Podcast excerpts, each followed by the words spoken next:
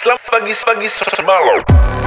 Selamat pagi, siang, sore, dan malam. Kembali lagi di podcast Kimia Bersuara. Halo Kompot Friends, selamat datang di Kompot Kominfo Podcast. Yap, jumpa lagi nih kita di segmen Kimia Bersuara bersama gue Fitri sebagai host magang di Kompot dan tentunya di sini gue nggak sendirian nih karena di sini udah ada Kak Apri dan Lydia. Halo semuanya, kenalin aku Lydia Aulianisa dari angkatan 2020. Yeay, tepuk tangan dulu kali ya. Oke, uh, selamat datang Lydia di Kompot. Jadi hari ini kita akan ngobrol-ngobrol seru nih bareng Lydia dan juga Kak Apri. Sebelumnya aku mau nanya nih gimana kabarnya Kak Apri dan Lydia setelah menikmati masa-masa liburan semester nih. Dari Lydia dulu kali ya, gimana nih Lydia kabarnya? Alhamdulillah sehat-sehat kak, baik-baik, lebih fresh tentunya setelah liburan. Oke mantap. Eh, dong ya. Alhamdulillah baik juga baik. Oke. Kita mau ngapain Kak Fitri? Hari ini kita bakal ngobrol tentang tips and trick uh, belajar secara daring nih. Kan kita masih daring nih ya kuliahnya. Iya betul, asik. Hmm, by the way, kalian lagi pada sibuk apa sih sekarang ini? Uh, sekarang ini aku lagi sibuk kerja sih sama nyiapin buat semester 2 nanti karena pengalaman dari semester 1 banyak materi yang uh, kurang nyampe gitu kak jadi mau lebih dipersiapin lagi dari sekarang mumpung lagi libur mantap. Keren ya? Prepare prepare.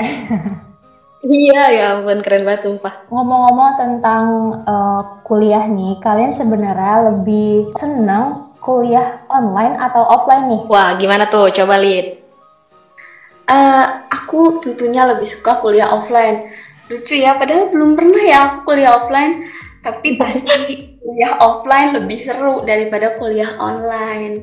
Karena pasti iya, materinya lebih cepet sampai ke otak daripada kuliah online. Ya nggak sih kak? Iya benar benar benar banget. Benar banget. Kalau Kak Apri lebih senang online apa offline nih? Aku sih senangnya offline sih. Nggak suka online. Iya pasti rata-rata setiap mahasiswa pada senangnya offline ya karena kan bisa ketemu sama teman-teman, lebih enak ya nggak sih? Betul ya, banget. Online oh. tuh malesnya ya ampun tugas video itu paling males. Iya kalau nah, online tuh lebih banyak tugasnya daripada saat offline. Jadi mendingan ya udah offline aja langsung. Iya kita offline yuk. Bertiga gitu ya? Iya ayo. Bikin, ini bikin kelas sendiri ya. ngomong-ngomong tentang kuliah nih, uh, kita kan harus menghadapi kenyataan bahwa kita uh, emang seharusnya masih kuliah online gitu. Nah, apa sih tantangannya nih ketika kuliah online menurut Lydia? Tantangan ketika kita kuliah online? Tantangan yang pertama itu koneksi internet ya ampun itu bener-bener jadi tantangan paling utama banget nih pas kuliah online kayak gini. Sama kuota internetnya juga. Karena kan setiap daerah itu punya koneksi internet yang beda-beda ya. Nggak semuanya lancar kayak di kota-kota besar.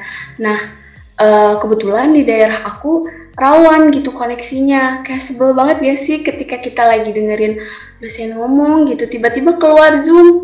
Ya ampun pas masuk zoom materinya udah beda lagi gitu. Itu tuh bener-bener kayak ganggu banget. Sama yang kedua itu suasananya. Karena kan sekarang lagi pandemi ya orang-orang pada di rumah. Nah kita juga kuliah di rumah. Nah suasana di rumah itu rame gitu. Apalagi eh, orang-orang di rumah aku tuh banyak. Jadi ketika dosen lagi jelasin terus tiba-tiba uh, ada suara adik nangis, suara tetangga yang rame. Nah, itu tuh bikin kurang fokus belajarnya gitu. Terus juga kedisiplinannya. Aduh, susah banget buat disiplin kalau kuliah online. Jadi kayak ya kuliahnya online ini bisa off cam, bisa sambil tiduran. Itu sih tantangannya, Kak. Wah, bener-bener. Bener banget. Lama banget sih. Apalagi kita kan cewek ya. Kalau di rumah tuh kadang harus ngerjain kerjaan rumah juga. Bener banget disuruh-suruh ya lebih tepatnya kayak padahal lagi mati gitu ya kita tosan dulu yuk kak tos virtual oke okay, oke okay. apalagi kalau misalnya kuliah online kan kita nggak ada prepare kayak eh, ganti baju segala macem jadi kayak niatnya kurang ya kalau kuliah online tuh Emang betul. Apa adanya aja deh. bangun tidur langsung buka laptop Iya bener banget. Parah. Kayak ini aja kalau misalkan mau on mic juga kalau di rumah kan suasana lagi rame kayak mau mikir dua kali gitu. Ya ampun kalau misalkan kita on mic gitu ya pas suasana rumah lagi rame itu tuh jadi kayak takut aja gitu. Bener-bener banget, bener banget. Iya takut suaranya tuh masuk gitu ke zoom nanti yang ada malu kan ya ada suara tetangga yang lagi eh, ngobrol lah atau anak yang lagi nangis. Nah itu tuh tantangan juga sih. Iya bener banget sih itu. Banyak ya tantangannya kuliah online gini. Kira-kira nih, kalau ngomongin online versus offline, sebenarnya pengeluarannya lebih banyak yang mana ya? Hmm, menurut aku pribadi, karena aku kan dari Sukabumi, yang tentunya kalau misalkan nanti kuliahnya offline, otomatis aku kan di Ciputat ya ngekos, terus biaya hidup sendiri, nyari makan sendiri, beli makan sendiri. Nah itu tentunya pengeluarannya lebih besar daripada sekarang aku kuliah online, karena kan kuliah online aku cuman ngeluarin kuota doang tuh. Ya meskipun kuota juga agak sedikit penguras kantong sih, cuman ya kalau dari segi pengeluaran ya lebih eh, banyak di kuliah offline. Kalau dari eh, aku yang rumahnya jauh dari UIN gitu. Wah iya benar-benar. Bener sih. Kita juga yang naik motor, Katri naik motor kan ya ke kampus. Iya naik motor dong. Naik motor juga butuh bensin ya. Iya. Lumayan juga. Bensin bisa di ini kali ya kayak eh, bensin pengganti dari kuota gitu. Jadi kan kalau misalkan Iya, jadi kan kalau online ya kuota, kalau misalkan offline bensin gitu ya kak ya. Iya Iya cocok. bener-bener. Sebenarnya eh, maupun online atau offline pasti ada plus minusnya ya kan. Heeh. Mm-mm, Bener banget. Nih, tadi kan Lydia ngomong nih, Lydia nih lumayan rawan gitu ya sinyalnya. Nah, ada nggak sih cara Lydia untuk ngatasin masalah sinyal tuh yang kadang ada, kadang enggak gitu. Lydia biasanya ngatasinnya tuh kayak gimana? Nah, buat aku sendiri sih kayak gini, aku eh, dengerin eh, saran dari dosen, katanya kayak gini. Kita harus coba, kita harus eksperimen provider satu persatu sampai nemu provider yang cocok di daerah kita. Nah, aku coba pendapat itu, saran itu, nah ternyata eh, kalau misalkan kita usaha nyari ada sebenarnya gitu. Kayak aku eh, punya kartu dua, jadi dua-duanya benar-benar dipersiapin, diisi kuota semuanya. Kalau misalkan lagi eh, mati lampu, aku ganti pakai kartu satunya lagi. Jadi gitu, karena beda-beda di sini tuh kualitas koneksi internetnya. Jadi gitu sih solusi dari aku. Iya bener, karena susah sinyal atau nggak dapat sinyal tuh bukan selamanya hambatan kita buat nggak bisa kuliah online gitu. Pasti ada aja caranya gitu, asal kita mau berusaha. Karena Nah, itu Iya betul. kuliah online juga tuh bukan cuman yang sebulan dua bulan tapi belum tentu juga kan jangka waktunya jadi emang harus butuh persiapan yang lama gitu untuk ke depannya Iya bener Kak, tapi aku boleh nggak sih ngomong sedikit solusi buat keseluruhannya, buat pemerintah mungkin lebih tentunya supaya kita mengatasi problematika ini gitu. Boleh boleh Boleh sih. dong semoga aja bagus. Pak Jokowi ngedenger podcast kita kan. Mampir Pak. boleh Adim semoga dengar ya ini. Nah, kita kan kondisinya di Indonesia itu sistem eh, pembangunan pemerataan teknologi informasi dan komunikasinya belum merata ya di seluruh Indonesia. Nah, tiba-tiba dikagetkan nih sama pandemi yang mengharuskan kita kegiatan semuanya secara online gitu, belajar secara online. Nah, otomatis di sini banyak banget daerah-daerah yang belum siap sama kegiatan online ini. Nah, harusnya tuh dari sini pemerintah mengevaluasi sekiranya daerah-daerah mana sih yang belum mendapatkan sarana dan prasarana untuk kegiatan online gitu. Diperbaiki eh, karena kan ini tadi seperti yang Kak Fitri bilang eh, kuliah online kemungkinan bakalan panjang ya nggak sebulan dua bulan. Nah eh, pembelajaran online ini bisa menjadi sebuah awal revolusi untuk sistem pendidikan di Indonesia lebih maju lagi menuju era 4.0 karena menurut uh, literasi yang aku baca ternyata di luar negeri itu udah banyak yang melaksanakan belajar secara online ini gitu. Jadi Indonesia udah cukup tertinggal sama pembelajaran online ini gitu. Jadi Indonesia harus uh, melakukan lompatan katak supaya uh, pemerataan pembangunan teknologi informasi dan komunikasi di Indonesia supaya rata gitu agar semua siswa dan mahasiswa bisa menikmati kuliah online ini, belajar online ini dengan lancar gitu.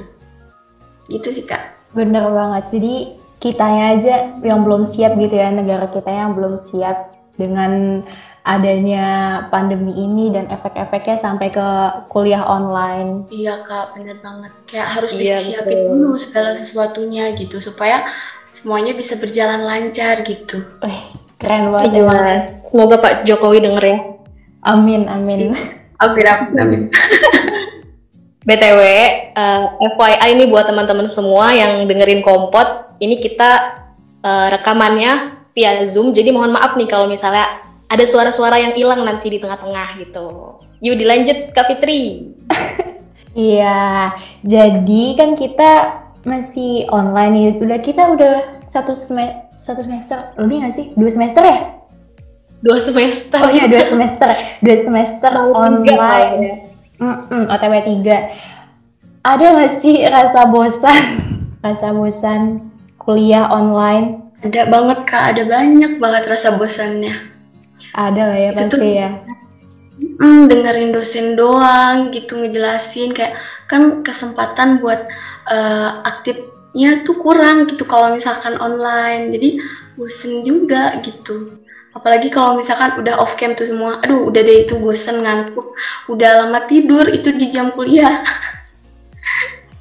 Nah pasti kan semua mahasiswa udah pasti ngerasa bosen udah cukup lama kita online kalau versi Lydia nih, ada nggak tips biar kita nggak ngerasa bosen ngejalanin kuliah online? Nah, kalau di jam kalau di jam mata kuliah sendiri, aku suka kayak gini. Kalau misalkan udah ngantuk nih, aduh ngantuk nih bosen gitu ya dengerin doang apalagi kalau misalkan dosen yang cuma ngejelasin materi doang nah kalau misalkan udah kayak ngantuk gitu aku ngajakin temen aku hey on cam yuk gitu ya. Terus ngajakin teman-teman yang lainnya kayak lihat deh aku lagi apa gitu. Nah di sana tuh kayak lagi uh, bercanda-bercanda gitu. Jadi naikin mood buat belajar jadi nggak ngantuk lagi. Kalau misalkan di luar jam mata kuliah aku sering banget tuh bikin zoom sama anak-anak sama temen kelas atau yang uh, di kelas lain buat zoom uh, sekedar ngobrol bareng lah atau zoom juga pernah tuh sering ya. Terus juga uh, kalau misalkan ada UAS atau UTS kita sering belajar bareng gitu. Karena nggak tahu kenapa kalau misalkan belajar bareng sama temen itu lebih masuk gitu materinya. Nah itu sih. Jadi kuliahnya nggak bosen gitu.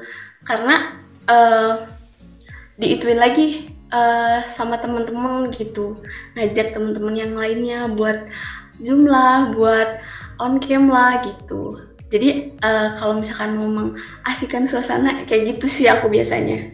Bener banget sih, itu tadi nyuruh on cam teman-teman. Pasti ada aja kan di salah satu matkul yang dosennya doang yang on cam, terus kita uh, mahasiswanya itu off cam. Nah itu kalau kita on cam yeah. semuanya pasti naikin mood buat lebih merhatiin apa yang dosen bilang, apa yang uh, dosen sampaikan, nambah mood juga, bener banget sih itu sebuah tips. Tapi balik ya. lagi ke diri kita ya.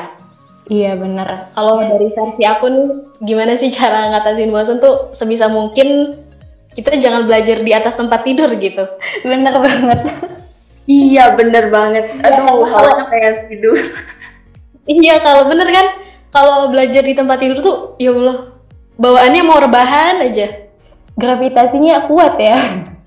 iya, parah banget sebisa mungkin cari tempat yang benar-benar nyaman buat belajar gitu. Terus kalau aku sih biasanya uh, kalau mau matkul itu tuh kayak siap-siap kayak mau beneran kuliah offline kayak ya mandi terus pakai baju yang yang bagus terus pakai jilbab yang bagus pokoknya kayak mau kuliah offline aja gitu Tapi itu serius Niat ya, ya? nambah, nambah ini apa sih? Nambah niat untuk Iya, kuliah bener. online. Bener sih. Apalagi kalau eh, on cam kan, jadi ngerasa kayak fresh, pede. Bedanya kuliah online mandi sama nggak mandi tuh parah, beda banget. Beda banget. Aduh, Aduh. Kalau nggak mandi tuh kayak rasanya lemes gitu. cipratan air sedikit aja tuh udah ngaruh banget. Iya betul betul. Aduh, mata tuh rasanya pengen nutup aja kalau misalnya belum mandi tuh. Aduh. Jadi intinya mau online ataupun offline disamain aja prepare-nya. Jadi kalau kita kuliah online samain prepare kayak kuliah offline gitu. Ya nggak sih intinya? Iya betul betul. Mohon maaf ya buat mahasiswa yang nggak suka mandi. Di sini kita suka mandi. Tim rajin. Tim rajin. Ngomong-ngomong kuliah online nih, eh, pasti tiap dosen kan beda-beda ya penyampaiannya. Ada yang kadang kita kuliah di saat kuliah online itu dosen enak banget nyampeinnya, terus tiba-tiba pas di kuliah online kurang gitu penyampaiannya. Menurut eh, Lydia nih, gimana tanggapannya nih eh, dengan cara penyampaian dosen yang mungkin kurang apa ya? Kurang nyampe kali ya ke Iya, kita. heeh, kurang nyampe. Sebenarnya kalau misalkan mata kuliah yang cukup buat kita cuman eh, literasi doang itu nggak masalah ya.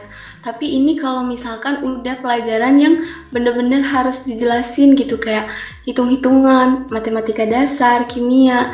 Nah itu tuh kalau misalkan dosennya ngejelasin kurang maksimal agak ngenek juga sih di hati. Tapi ya mau gimana lagi gitu kan.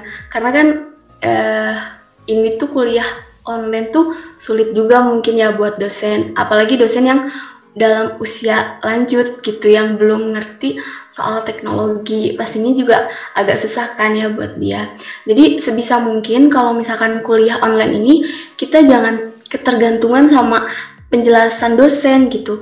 Kita harus benar-benar eh, belajar secara mandiri gitu, belajar sendiri, memahami materi itu sendiri karena kan eh katanya juga kuliah belajarnya tuh kebanyakan sendiri ya kayak kayak aku rasa tuh sekarang kayak dosen tuh ini tuh kita belajar soal ini ini ini dijelasin tuh dikit terus sisanya kita harus belajar sendiri kayak gitu jadi ya itu aja sih menurut pendapat aku Iya sih benar. Tadi kan ada minusnya gitu ya dosen eh, pas ngajar di saat online.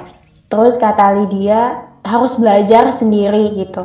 Nah tips biar bisa kita belajar sendiri atau eh, gimana cara kita ngatasin kesulitan menangkap materi dari dosen gitu. Hmm, kalau versi aku sendiri, ya itu tadi aku belajar sendiri. Nah kan setiap orang tuh punya schedule-nya masing-masing nih. Nah sebelum eh, berkegiatan kita harus ngerencanain dulu atau lebih bagus ditulis ya. Kira-kira hari ini tuh kita mau ngapain aja dan sisakan waktu buat belajar gitu. Sisipkan di sana tuh eh, belajar tentang matkul A, B, C gitu. Nah, ketika ada matkul yang eh, dirasa dosennya kurang maksimal menjelaskan sehingga kita tuh kurang ngerti. Nah, itu jadi skala prior- prioritas buat eh, kita belajar. Artinya tuh eh, effortnya gitu, waktunya lebih gitu di matkul itu. Terus juga bagi waktunya juga sih itu hal yang penting banget supaya kita bisa fokus belajar supaya nggak keteteran yang akhirnya masuknya ke deadline gitu.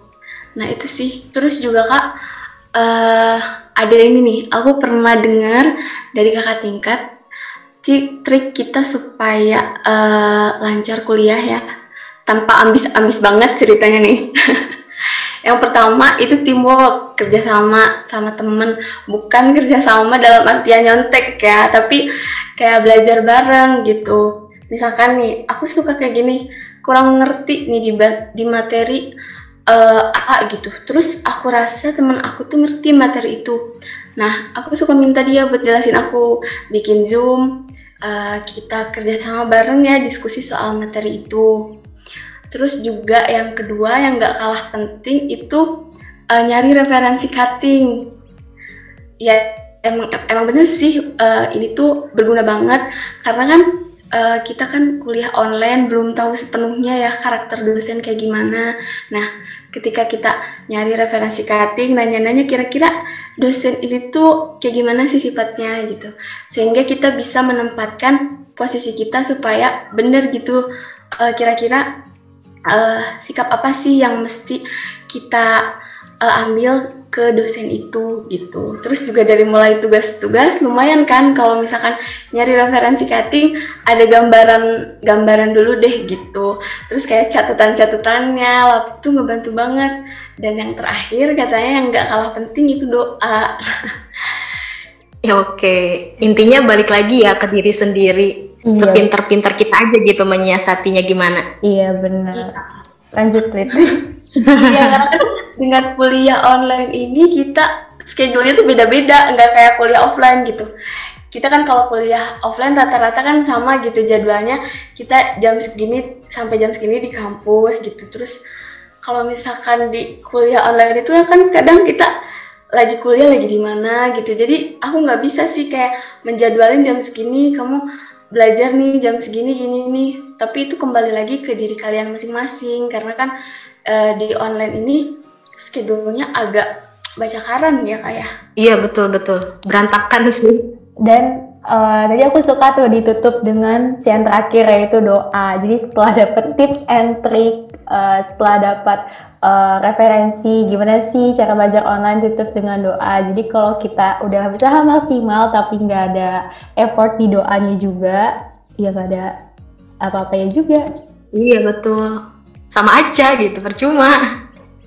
Jadi tips dan trik kuliah di masa online ini sebenarnya banyak ya. Dari mulai kita prepare kuliahnya kayak gimana yang pertama harus disiapin harus mandi. Iya harus mandi harus disiapin. Sama seperti kita mau kuliah offline terus ada apa lagi lid? Uh, ada manajemen waktu juga ada teamwork ada nyari referensi sama yang terakhir doa. Doa dan prepare sinyal juga ya. Iya benar iya, itu siapin dua kartu gitu ya. Iya benar. Yang pakai wifi enak ya iya benar pakai wifi ya. udah paling enak sih ya aku tapi tuh tetap aja ada kekurangannya Iya, iya sayang banget. Ya, aku belum ada koneksinya gitu, belum ada koneksi buat bisa pasang wifi. Sedih banget gak sih? Sama-sama, aku juga nggak pakai wifi. Oke, jadi harus maksimal di mana pun dan apa pun itu situasinya, biar kita ngedapetin pack yang uh, besar juga gitu. Karena usaha, eh gimana tuh quotesnya? Usaha tidak akan pernah mengkhianati hasil gitu. Wih, keren, cakep. Keren. Oke, terima kasih Lydia untuk sharing-sharingnya nih tips and trik kuliah di masa pandemi, kuliah online. Semoga bermanfaat untuk kita semua dan bisa ya. dipraktekkan nih tentunya. Iya, ya, ada lah gitu ya, dikit yang ya. dipraktekin. Mm -mm. Iya, apalagi kan nggak tahu ya ini kuliah online sampai kapan. Jadi do the best. Oke, okay, terima kasih Lydia dan Kak Apri. Terima kasih Lydia. Ya sama-sama Kak Fitri, Kak Apri. Thank you udah main-main ke Kompot. And yeah. see you on the next episode.